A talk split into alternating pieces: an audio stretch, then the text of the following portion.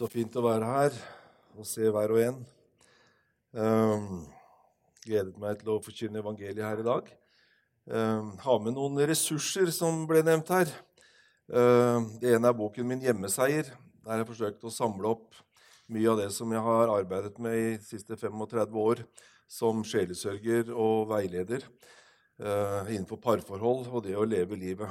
Jeg kan si det så enkelt at Hvis du vil være den beste utgaven av deg selv, når du trenger det som mest, så har du svarene her. Short and sharp, rett på sak. Hvis du kjøper den, leser den, vil det forandre livet ditt. Så har jeg også et par bøker som er nettopp kommet ut, som handler om det grunnleggende evangeliet om Guds rike. Det å være fylt av Den hellige ånd. Og helbredelse. Her er mange av de sterkeste og viktigste løftene Bibelen har om hva vi bygger vår tro for når vi ber for syke. Og Her er den praktiske siden av den, og hvordan du kan være en kanal for Guds helbredende kraft, og hvordan menigheten kan være en kanal for Guds helbredende kraft.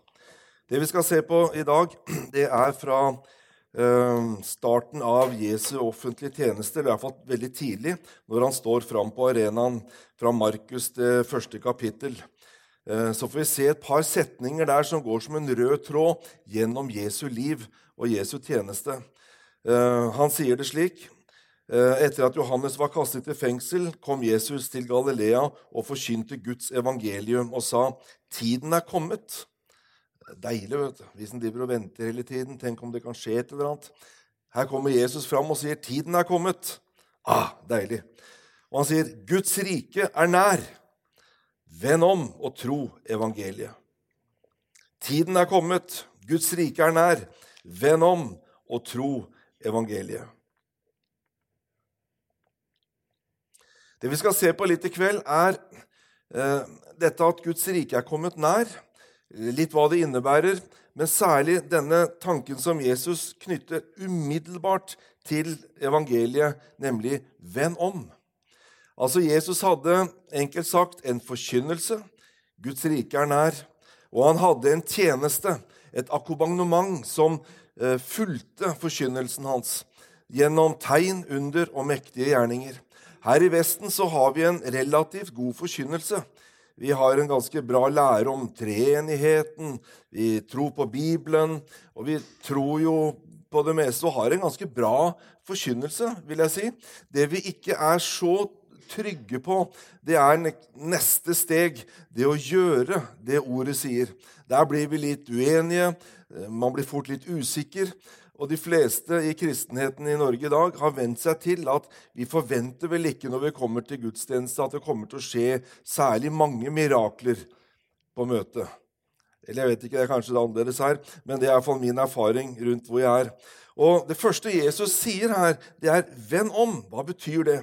Vi kan se for oss at inni hodet vårt så har vi sånne mentale kart eller filter, om du vil, som farver alt vi ser. Alt vi opplever, alt vi ser, ser vi gjennom disse kartene. De fleste av oss er ikke klar over at vi har dem. Langt mindre på om de er oppdaterte eh, og fungerer med terrenget slik det ser ut i dag. Jeg vet ikke om jeg har prøvd å finne fram i byen med gamle kart. Det kan du bli gal av. altså. Når kartet ikke stemmer med terrenget, for det skjer jo forandringer hele tiden. Um, en sa det slik at feilaktige antagelser ligger ved roten av enhver mislykkethet. Vi går rundt og antar en del ting. Det bør ikke være basert på fakta. Jeg kan gå rundt og tro en del om meg selv, f.eks. at 'det kan jeg ikke', og 'det kan jeg ikke', og 'nei, jeg kan jo ikke gjøre sånn'. Som regel er det ikke bygd på fakta. Det er bygd på noe jeg antar, noe jeg har hørt, kanskje noe jeg har tenkt. Og så akter jeg det for sant, og så blir det for så vidt en realitet. Men er det sant? Ikke nødvendigvis. Og det er dette Jesus er noe av det første han utfordrer oss når det gjelder i forhold til evangeliene. Uh, Jesus sier i Lukas 11,34 at når øyet ditt er godt, er hele kroppen fylt av lys. Men er øyet ditt dårlig, er også kroppen din full av mørke. Her snakker han ikke først og fremst om våre fysiske øyne, men de øynene som ser virkeligheten. Uh, jeg vet ikke om du har hørt om grå stær. Jeg vet bare at Da ser man dårligere og dårligere, og så kan man skrape bort det laget etter hvert. Og plutselig så ser man veldig klart. Det går an å ha åndelig grå stær. Det går an å ha grønns der også, og det kan gå så langt at synsfeltene sprekker, og da ser du bare noen sorte flekker etter hvert. Det vet jeg litt om, for mora mi har det. Eh, det går an å få åndelig grønns der. Det vil si at det er så høyt trykk på det øyet at det, puff, så sprekker synsnervene, og du ser nesten ingenting. Du blir nesten blind. Eh, og Sånn er det også når vi leser Bibelen, og i vårt forhold til omverdenen så har vi et filter, et slags par briller, om du vil. da. Det er mange metaforer på en gang, som farver alt jeg ser. Hadde jeg tatt på meg solbriller nå, så hadde det blitt veldig mørkt. Litt behagelig for den der, for så vidt. Men du skjønner hva jeg mener. Vi tror at vi ser virkeligheten som den er. Som parterapeut vet jeg litt om det jeg opplevde mange ganger. Ja, virkeligheten er, skjønner du, Torgussen, at hun der er der. Og så kommer det en eller annen sannhet om kona. Men eh, erfaren mann, jeg lar meg ikke lure. Jeg vet at virkeligheten slik vedkommende er i ferd med å si nå, det er egentlig sagt slik jeg ser virkeligheten. Saken er at begge parter kan se på samme historiske hendelser, men de ser ikke det samme. De ser det slik de er bak øynene, som vi sier. Og dette er en interessant greie. Det er mange ting som former det vi ser, og jeg har skrevet litt om det i bøkene, så jeg sparer litt tid på å ikke ta det nå.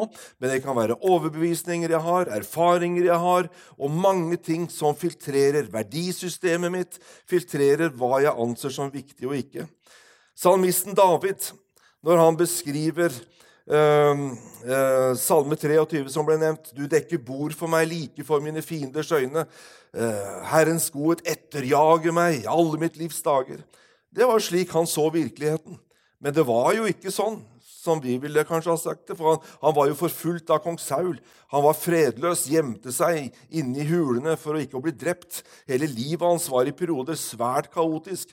Men når han beskriver det slik han så det, fordi øynene hans hadde lys, og hele legemet var lys, så sier han, 'Herren er min hyrde. Jeg mangler ingenting.'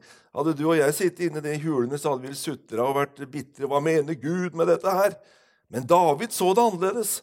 Så hvordan du ser verden, er i stor grad avhengig av Altså hvordan du opplever verden, er i stor grad avhengig av hvordan du ser den. Det kaller vi loven om korrespondanse. Det vil si, min ytre verden er et gjenspeil av min indre verden. Så altså, hvordan jeg ser og opplever verden omkring meg, er ofte et speilbilde av hvordan jeg er innvendig. Så kan du godt se deg selv i speilet og ikke like det du ser, og begynne å knuse det speilet og si 'for et møkkaspeil fra Ikea', eller noe sånt. Så finner du ut 'oi, det var jo et gjenspeil av meg, jo. Det er jo slik jeg er innvendig. Og det er denne tingen som Jesus tar tak i når han sier, 'Venn om, for Guds rike er kommet nær'. Hvordan ser jeg verden omkring? Alle disse filtrene som vi kunne ha snakket om nå, jeg har nevnt et par, påvirker hvordan jeg ser verden, og det, vurderer, det, det, det hjelper meg å vurdere hva jeg anser som realistisk og mulig og hva som er urealistisk og umulig. Det vurderer jeg ut ifra det filteret. Verdensbildet mitt påvirker hva jeg liker, og hva jeg misliker. Så du kan sitte her på møtet i dag og like det som skjer. Du kan til og med like meg. Eller du kan mislike det du hører, fordi det krasjer med noe inni deg. Og da vil du gjenkjenne det ved at du ser alle feilene, ting du ikke liker.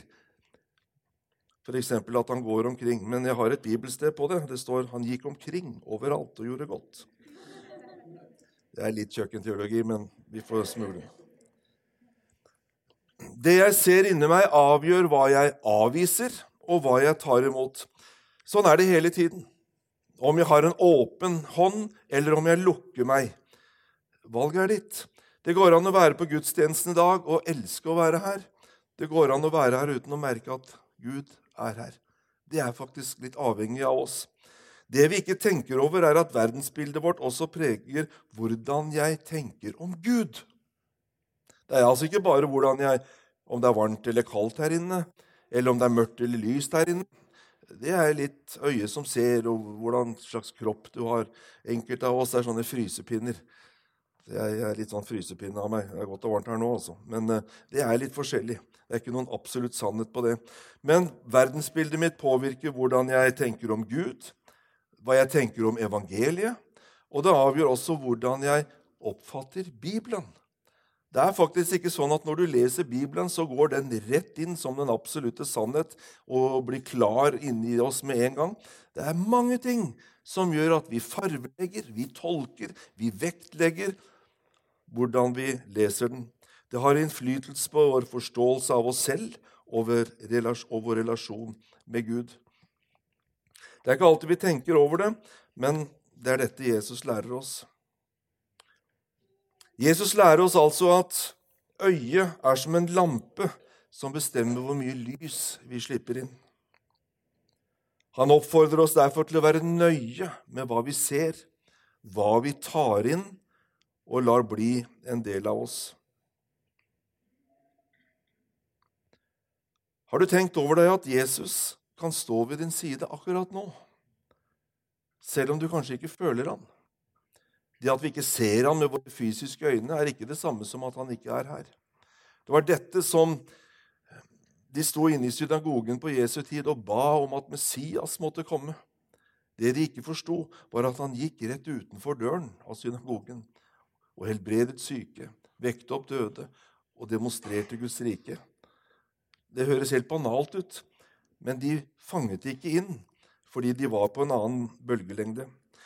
Poenget er at vi saboterer oss selv når vi prøver å forstå Gud og hans gjerninger innenfor rammen av vårt verdensbilde. Fordi vi filtrerer bort, ofte helt automatisk, rent på vane, autopilot, så filtrerer vi bort dimensjoner som ikke passer inn. Når jeg har noe inni meg Det som er problemet mange ganger når ordet blir forkynt, det er at det krasjer mot masse greier som vi kan ha inni oss. Jeg bør ikke peke på deg, for det gjelder meg like mye. Masse søppel på en måte, som du har dratt på deg gjennom årene. Tanker, holdninger, erfaringer, ting du kan ha blitt indoktrinert med, som du tenker liksom Ok, sånn er det vel. Men er det bygd på fakta? Det som skjer når ordet da blir forkynt, så kan det ofte bli en slags kollisjon. Du kan sikkert ha merket det ved at du reagerer på noe Hodet ditt sier ja, men det er jo bare ordet, det som står i Bibelen. Men hvorfor reagerer jeg? Det er fordi at det kommer inn gjennom hodet, går ned i ditt hjerte, og så møter det en slags motstand. Det blir en slags logisk brist, om du vil, inni hodet vårt. Eller en kognitiv kollisjon. Altså, jeg har kunnskaper om noe, og så kommer Bibelen og sier noe annet. Så krasjer det. Og vi ser det i den offentlige debatten i dag en rekke temaer som du ikke engang kan nevne hvis du vil unngå borgerkrig. Vet ikke om du har fulgt med litt nå på hva man diskuterer og ikke diskuterer. Bare du nevner enkelte saker i dag, så blir det ramaskrik. Det er ikke intellektuell diskusjon. Det er altså ingen faglig eh, sunn diskusjon. Det er en emosjonell, overladet debatt om ulike ting som gjør at man mister besinnelsen og mister evnen til kognitiv tenkning. For det krasjer med ting som man har inni seg. Det er noe av utfordringen også med evangeliets forkynnelse. Og du vil gjenkjenne det. Vi bør ikke ta alle store omveier, men når Guds ord forkynnes, og dette skjer, så vil du gjenkjenne det som et mentalt og emosjonelt ubehag. Jeg vet ikke om du har hatt den erfaringen noen gang. Hodet ditt sier 'ja, men det står jo her'. Men som de sier på Sørlandet 'men vi lier ikke'. Jeg har hatt en erfaring mange ganger. Leser her. 'Ja, men det står jo her'. Ja, men Så kommer alle disse innvendingene. Det er en utfordring. Man tror om ikke det er dette Jesus refererer til når han sier 'Dere ser uten å se'. Dere hører, men hører ikke. Jeg tror vi må også ta inn over oss at evnen til å erfare Guds nærvær i stor grad henger sammen med vår evne til å se og høre hva som skjer i åndens verden. Et eksempel på dette finner vi da Jesus talte om sin forestående død. Vi skal snart feire påske, så på en måte er dette en av tekstene. Bli med meg til Johannes 12, vers 27. Sier Jesus, nå er min sjel forferdet. Og hva skal jeg si? Far, frels meg fra denne time? Spørsmålstegn. Nei, nettopp derfor er jeg kommet til denne time. Far, herliggjør ditt navn. Og så står det Da kom det en røst fra himmelen. Jeg har allerede herliggjort det, og jeg skal igjen herliggjøre det. Og så står det noe interessant. Folket som sto der, hørte det. Men de sa det hadde tordnet. Og andre sa, det var litt i den åndelige delen av menigheten, en engel har talt til ham. Altså, de hørte noe lyd, men de skjønte ikke hva det var. Det er veldig interessant. Far snakket til Jesus med hørbar stemme her. Jeg har herliggjort det, og jeg skal herliggjøre det. Men de som sto omkring deg, hørte lyder, men de var ikke i stand til å fange opp ordene. Noen tenkte det tordner. Andre tenkte ja, det er vel en engleskikkelse, eller, men, men, vi skjønner jo ingenting av dette her. Jeg har vært på en del samlinger opp gjennom mitt liv hvor Gud har vært veldig sterkt til stede. Uh, det som skjer i typisk sånne situasjoner, er at noen tenker «Å, Gud er her. Andre tenker «Ah, for et rot. For et bråk. Noen elsker det og sier bare «Å, fyll på mer, Herre. Andre syns det er ubehagelig og tenker «Å, tenk om det snart kan ta slutt. Jeg var på et sånt møte for en tid tilbake som et sted i Norge hvor det var et sånn type møte. Akkurat som himmelen senker seg. Jeg skjønner hva faktisk Jesus sier. Guds rike er nær. Du merket en sånn tyngde i hele rommet, et nærvær av Gud. Jeg er helt sikker på at mange her har erfart det. Så kommer en sånn der tørrpinne, som jeg får kalle det. Hadde ikke evne til å koble seg på i det hele tatt. Han mente ikke at det var torden eller engler. Han bare fatta ingenting. Og han sa bare Er det noe vits i dette her, da? Så bare greier ikke å koble på. Hva er det? Hva er det? Hva vil det si å vende om? Bokstavelig talt betyr omvendelse å fatte et nytt sinn. Det er ikke verre enn det. Naturligvis innebærer omvendelse endring i vår livsførsel. Det er klart, det. Hvis jeg har brukt å stjele, så vender jeg om, så stjeler jeg ikke lenger. Det er så enkelt som det. Men samtidig er det noe mer. Vi har nemlig en tendens til at alt skal kretse rundt hva jeg skal gjøre eller ikke gjøre. Det er befriende å oppdage at heller ikke det handler om oss. Det handler om ham, hva Jesus har gjort. Og Når Paulus skriver om omvendelse til menigheten i Tessaloniki, så skriver han noen interessante ting. Hvordan dere vendte dere til Gud fra avgudene. Det er en preken, bare det verset der. Vi vendte oss til Gud fra avgudene. Vi har en tilbøyelighet til å tenke at hvis det skal bli noe skikk på ting, så må vi først vende oss fra avgudene, fra synden. Vi må få orden på vårt liv, og så kan vi komme til Gud. Og En venn av meg sa det en gang, for du skjønner det, Bernt, at Guds ånd faller ikke over møkk. Takk for det. Veldig hyggelig. Takk for det. Ja, men Han var så eitrende gæren på at den, den, personen der hadde blitt fylt av Den hellige ånd. var vært frelst et par-tre uker. Og når sant skal sies, så var det ikke så veldig skikk på han nå heller. Men han gikk rett igjennom, som vi sier. Ble fylt av Den hellige ånd, begynte å prise Gud i andre tunger. Så kom han andre. Han hadde slitt et helt liv med å få del i noe av den erfaringen. Det er litt urettferdig. Forskjellen var at han her var veldig sulten og klar og hadde ikke masse greier oppi her. Han bare tenkte jeg tar imot. Ja, bang! Der var det. Poenget er man venner seg til Gud. Og Etter hvert så vil man selvfølgelig vende seg fra ting. Det er mye enklere enn å tenke at først må livet mitt bli i orden før Gud kan gjøre noe med meg og for meg. Det er befriende evangelisk kraft bare i det der. Vårt fokus må være på Gud og ikke på vår synd. Det du fokuserer på, får vi mer av. Jeg møter mennesker stadig. De er så fokusert på alt det gærne, på synden. Men jeg skal gi deg et lite tips. Det du fokuserer på, formerer seg som kaniner om våren. Hvis du er opptatt av å rydde unna alle disse småtingene, alle disse gale tingene i livet ditt, så skal jeg fortelle deg, du får ikke gjort noe annet. De formerer seg som kaniner om våren. Hvis du derimot vender deg til Gud og stoler på ham, så begynner han å ta hånd om en del av de andre tingene. Det er bare så stor forskjell. That's the gospel. Det er evangeliet. vi vender oss til Gud, så hjelper han oss å manøvrere i livet. Poenget er at omvendelse er et slags paradigmeskifte, om vi vil. En fullstendig må ny måte å tenke på. Og Jesus arbeidet med disiplene sine hele tiden for å få denne gudsrikesmentaliteten inn i dem. Personlig så tror jeg at det som holder Guds folk tilbake i dag fra å leve i fylden av evangeliets kraft, er at vi har ikke vendt om i den forstand at vi har latt Guds tanker fylle sinnet vårt i den grad Bibelen hjelper oss til å tenke Gud. For tidens skyld nå så må jeg bare passe på så ikke jeg går inn i altfor mye materie her. Men omvendelse handler altså om å gi slipp på min egen tanke og fylles av ham. Hvis du er med på det. Så enkelt som det.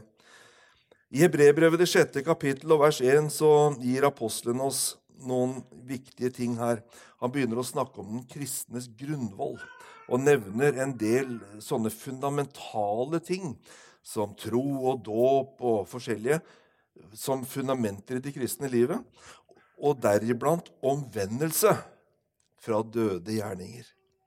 Hva er det han er ute etter her? At vi må vende oss bort fra onde og umoralske handlinger, det tror jeg vi alle forstår. Så det bruker vi ikke noe mer tid på.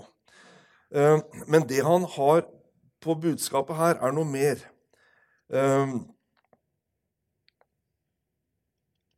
enkelt sagt kan vi si at døde gjerninger For det er det han sier omvendelse fra døde gjerninger. Enkelt sagt kan vi si at det er handlinger som ikke er et resultat av omvendelse og tro. Det er rett og slett alt jeg kan gjøre i min egen styrke, uavhengig om Gud har talt til meg eller ikke, om jeg er fylt av Den hellige ånd eller ikke. Og fra et menneskelig synspunkt så kan det være mange gjerninger som er vel og bra. Men det han forsøker å hjelpe oss med her, er at som profeten Jesaja sier i kapittel 64 All vår rettferdighet er som et urent klesplagg, altså for Gud. Alt jeg kan imponere med, alt jeg kan få til i meg selv, vel og bra. Men det finnes en, et helt annet nivå som Gud vil ha oss inn på. Og Det er dette han snakker om omvendelse fra døde gjerninger. Jeg vet det kan være veldig vanskelig for de fleste av oss, inklusive han som taler med deg i dag, å ta inn over seg en sånn tankegang, for det sparker bena under så mye av det vi har lært oss til gjennom livet. Vi er jo flinke, ressurssterke, vet du, alle vi. Og når vi ser et behov, så rekker vi opp hånda og sier ja, men det kan jeg. Akkurat som på skolebenken når læreren kommer med et eller annet matte. To pluss to, hvor mye gjør det? Å, jeg vet det! Jeg vet det! Fire-fire. Eller fire, ikke 44, men fire. Og sånn er det gjennom livet også. Ja, men det kan jeg gjøre! Ja, ja, men det kan jeg gjøre! Og det er sant. Masse ting som vi kan gjøre. Og løsningen er ikke liksom å slutte å gjøre det. Altså Når du vet om å gjøre godt og ikke gjør det, så synder vi. Så det, det er ikke sånn at vi skal bare sitte her og vente på at skjelven skal komme, liksom. Så det er jo snakk om å være mennesker som gjør gode ting. Men det han snakker om her, det er Uten meg kan dere ingenting gjøre, sa Jesus. Og det tenker han på da, er denne overnaturlige dimensjonen, som jeg skal komme ørlite grann tilbake til. Sekulariseringen i landet vårt i dag den har kommet så langt at vi i praksis har utradert forventningen til det overnaturlige når vi samles til gudstjenester. Det er min erfaring. Jeg er tilhenger av god organisering. Jeg er nesten en perfeksjonist, så jeg må jobbe litt med det der. Ehm, men jeg vet at vi må vokte oss for å stole på avhengigheten av alt vi kan få til, om det skulle gå på bekostning av forventningen av Den hellige ånd. Pastor og forfatter Tozer han sa en gang en menighet som ikke vil tilbe, vil bli underholdt. Og han legger til eh, det lederskap som ikke har lært dem å tilbe, må stå for underholdningen. Det er jo en av grunnene til at vi predikanter nesten blir klovner til slutt. Hva skal vi finne på for at menigheten ikke skal sovne? Det er en livsfarlig vei, altså. Eh, sier noe annet også. En menighet som Eller han sier, 'Jeg minner dere om at en menighet som ikke Nei, jeg minner dere om at det er menigheter som er så langt borte fra Guds hender at dersom Den hellige ånd trakk seg bort fra dem, ville de ikke funnet ut av det på mange måneder. Det kan sikkert diskuteres litt, men jeg bør ikke gå lenger enn til meg selv. Hvor avhengig er jeg av Den hellige ånd? Men det jeg prøver å si, er Jeg kan ta min egen kirke, som jeg er pastor for. Det er ikke sånn at folk flest kommer til gudstjenesten i dag og tenker Wow, jeg lurer på hvor mange mirakler som skjer i dag. I kirken landskapet vårt i dag i Norge. Altså, Vi er én menighet, dere er en menighet. Men hvis du tenker kristenheten sånn i det store, så går man ikke til gudstjeneste i dag og tenker wow, jeg lurer på hva Jesus kommer til å gjøre i dag. Sånn som vi leser om her. Jeg sier ikke at det er fullstendig fraværende, men det er langt igjen til å bli sånn som jeg tror det var på Bibelens tid. Hvorfor tror du de flokket seg om ham? Hvorfor tror du de flokket seg om Peter, Jakob og Johannes og de andre apostlene? Det var jo fordi Gud var der. De kom for å høre ham, står det. De kom for å oppleve ham, erfare ham, fordi Jesus sa 'Guds rike er kommet nær'. Et av mine forbilder, John Wimber, han pleide å forklare forsamlingen når han var ferdig med å tale, og det var tid for å praktisere det som var blitt forkynt. John Wimber er kanskje den i den moderne tid som Gud reiste opp eh, Han hadde jo en lynende skarp hjerne og en enorm bibelkunnskap, for han hadde klisterhjerne. Han kunne lese én gang det som sto, og så huska han det. Jeg skulle ønske jeg kunne få den evnen. Altså, jeg må lese mange ganger. Jeg skjønner ikke hva det er for noe. Det er akkurat som fordamper. Så jeg må lese igjen og igjen og igjen. Faktum er at jeg må ofte lese mine egne bøker for å huske hva jeg skrev. Jeg vet ikke om det er en sånn alderstegn, eller hva det er, men det er helt skummelt. altså. John Wimber kunne lese det én gang. og Det er derfor han kom til presten sin etter tre måneder og sa veldig bra gudstjeneste i dag, but when are we going to do the stuff? Og presten svarer do the stuff. Det har vi jo nettopp gjort. Vi har sunget, vi har prekt, vi har hatt nattvær, og vi skal ha kirkekaffe. Hva mer kan du vente? Ja, alt det er fint, sånn. But when are we going to do the stuff? Ja, hva mener du? Ja, men det Jesus ba oss om! Helbrede de syke, vekke opp de døde, demonstrere Guds rike med kraft og gi mat til de fattige, osv. Det som er kjernen i evangeliet. Oh, sånn har vi ikke tenkt. Og Wimber utviklet da sin forkynnelse og sin tjeneste og sier når han holder disse seminarene sine, og han hadde undervist om helbredelse og gjenkjenne Guds kraft osv., at han hadde én sakral bønn som han alltid ba. Og han forteller at folk var veldig spent på hva den sakralen bønn da var selveste den amerikanske olabukse- og olajakkekledde amerikaneren har. Overvektig, hamburgerspisende, Cola Light-drikkende predikanten helt utradisjonelt hvilken sakral bønn han skulle be. Ikke sant? Og så sier han den sakrale bønnen var Og så roper han ut, og det skal ikke jeg gjøre, da, for da blir du skremt. Hjelp! Det var hans bønn. Og vi vet det alle sammen. Forkynnelse, undervisning, er en gave fra Gud. Og det er mulig å utvikle den gjennom årene, gjennom forberedelse og praktisering. Ordets forkynnere, meg selv inkludert, er desperat avhengig av Den hellige ånds salvelse og kraft for å forkynne bra. Samtidig så er det ingen predikanter som ligger våkne om natta av frykt for at han eller hun ikke skal greie å gjennomføre prekenen sin. Skjønner du? Jeg har holdt 1000 prekener. I dag er det min andre. Jeg koser meg med dette her. Jeg setter på bremsene alt jeg kan for at ikke talen skal bli for lang. Det er bare så enkelt som det. Det er ikke noe vanskelig i det hele tatt å gjennomføre en preken. Forstår du det? Men hvis vi kaller fram til forbønn, og det står mange mennesker som har uhelbredelige sykdommer menneskelig sett, og som forventer at Gud skal helbrede dem, da vet alle predikanter at de kommer til kort, og at ingenting vil skje hvis ikke Guds rikes kraft kommer nær. Det er den store forskjellen. Så én ting er å forkynne evangeliet. En annen ting er å demonstrere det slik Jesus har bedt oss om. Da kommer jeg til kort. Det er dette Jesus sier når han sa, 'Uten meg kan dere intet gjøre'. Men husk, jeg er vintreet, dere er grenene. Den som blir i meg og jeg i ham, bærer mye frukt. Men uten meg kan dere intet gjøre. Og det er her hemmeligheten ligger. I denne avhengigheten til Jesus ligger nøkkelen til livet som Bibelen beskriver. Mange kristne går glipp av den overnaturlige dimensjonen i Guds rike. Ikke fordi de aldri fant den, men fordi de aldri stanset opp og omfavnet den for det har vi ikke tid til, for det er jo så mye å gjøre. Jeg tror vi går inn i en tid nå hvor Gud kaller sitt folk inn i sin nærhet. For at vi skal fylles opp med alt det Han har bedt oss om å gjøre, som vi ikke kan klare selv. Og Det er dette skjæringspunktet det er ubehagelig. Selv er jeg alltid godt forberedt. Jeg er like godt forberedt i dag som jeg skulle ha talt til en forsamling på 10 000 mennesker. Hvis ikke du syns det du hører i dag, er bra, så er det fordi jeg er ikke bedre. Det er ikke fordi jeg er dårlig forberedt. Men når det er sagt, så tenker jeg at dette alene frelser ikke verden.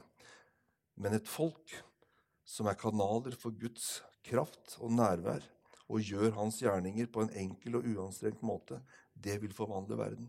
Du kan bare tenke deg hva som vil skje i det øyeblikket ryktet går. Der blir de helbredet. Der skjer det under, mirakler. Da kan du spare masse annonsepenger. Det vil revolusjonere hele vår virksomhet. Utfordringen er at det er ikke alle kristne som kommer til å like seg.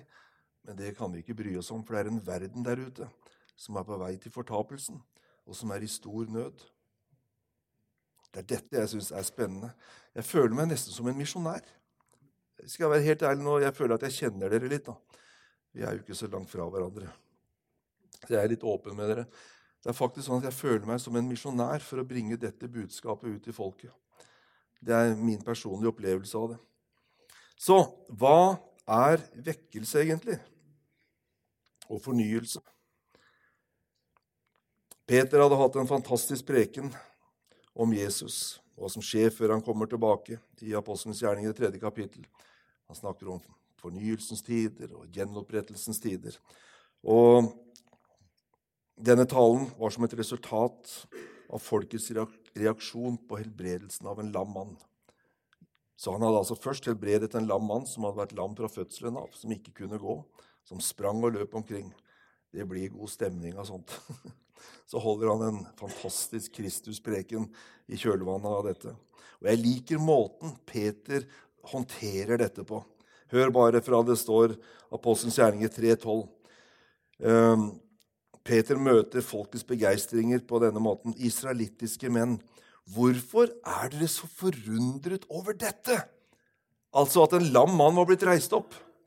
Jeg mener, Hadde det skjedd i dag, så hadde det gått nyheter over hele verden. Jeg har sett det har skjedd sånne ting på Reinhard Bunke sine korstog i Afrika. Det, det går på nyhetene over hele verden når de ser et sånt mirakel. Bare tenk deg hva som ville skje i Drammen hvis sånne mirakler begynte å skje. Men så sier Peter, 'Hvorfor er dere så forundret over dette?' Det er liksom det mest dagligdagse av verden. Det er fordi at helbredelser, tegn og under var selvfølgelig for Peter.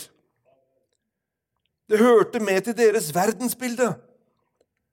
Men for oss, de fleste i hvert fall, har vent seg til at vi kan ikke regne med det. Vi har bedt for folk, og det skjedde ikke så mye, så vi tilpasser oss og venner oss til det.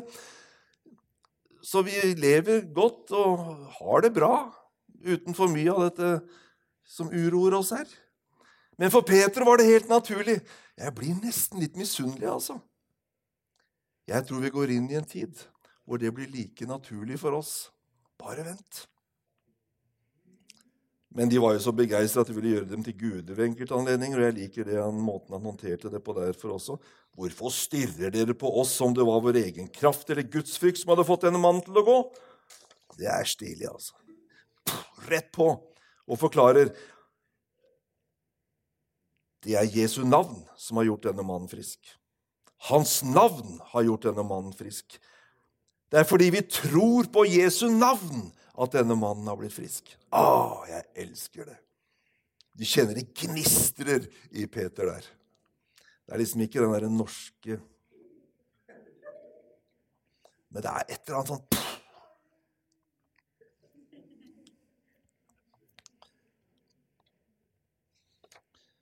Å, så mye bra jeg har her.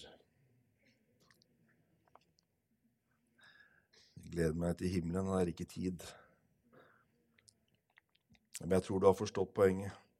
Det Peter gjør her, er egentlig å leve i bønnen Fader vår. La ditt navn holde hellig. Det er det han gjør. Vi har ofte tenkt liksom Jesu navn mange av oss har en sånn ubevisst folde. Jeg tenker ikke på deg nå, men jeg møter det ofte at uh, Jesu navn ok, det er en slags avslutning på en bordbønn, f.eks. Velsign maten, kjære Jesus, sier amen. Eller at vi synger sanger om Jesu navn. Her i Bibelen så ser vi at Jesu navn er en beskrivelse av han som bærer navnet. Og han åpenbarte seg jo for folk og sa, 'Jeg er Herren, din lege', f.eks. Så når vi tilber og helliger Jesu navn, så helliger vi det navnet står for. Det er akkurat som når navnet forkynnes, og når man herliggjør og tilber navnet, så forkynnes alt det navnet står for. I dag så er det slik at man vet nesten ikke hva det navnet står for. Man tenker at det er en slags 'Kjære Jesus, jeg ber. Amen'. Mens det navnet rommer Gud. Jesus rommer alt hva Gud er og står for. Så det å holde hans navn hellig, det er å akte for sant alt det han står for. Og det var dette som skjedde da de forkynte i Jesu navn.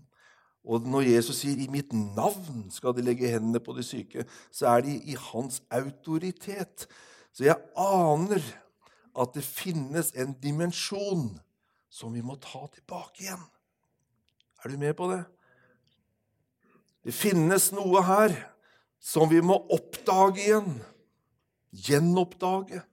For det er vårt. Han har gitt det til oss. Han døde for oss på Golgata kors for at vi skal bringe dette budskapet ut i verden. Og en kar sa til meg en gang ja, du har skrevet to bøker om helbredelse. Er det så komplisert, Bernt?